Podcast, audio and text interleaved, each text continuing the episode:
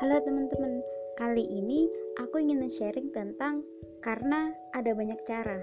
Nah, sebelum kita memulai pembahasan, aku ingin memberikan soal kepada teman-teman.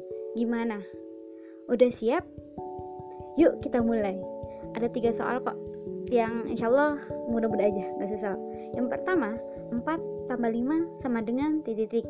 Yang kedua, 3 tambah 6 sama dengan titik-titik. Yang ketiga, 8 tambah 1 sama dengan titik-titik.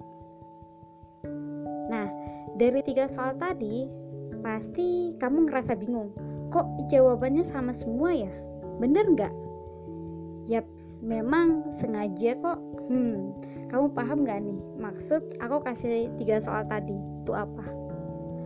Kok tumben aku berikan soal hitung-hitungan yang gampang banget?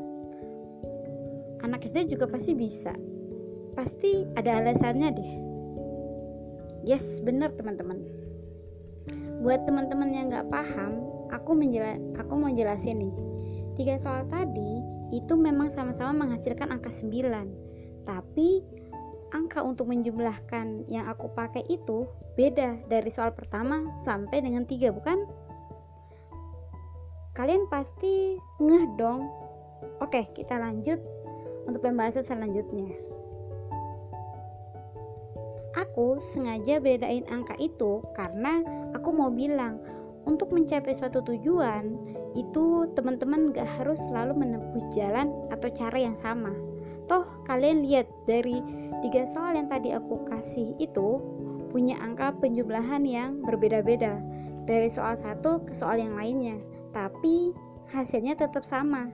Jadi kalaupun kita pengen ambil jalan yang berbeda dari orang lain, itu nggak salah karena hidup kita bukan hidup orang lain. Karena kita bebas menentukan cara kita sendiri. Selalu ada seribu cara yang bisa kita coba. Kalaupun satu cara gagal eh, masih kita tuh masih punya seribu cara lain lagi yang berbeda. Jadi jangan takut untuk memilih cara atau jalan yang berbeda dari orang lain. Dan pastinya jangan menyerah ya. Semangat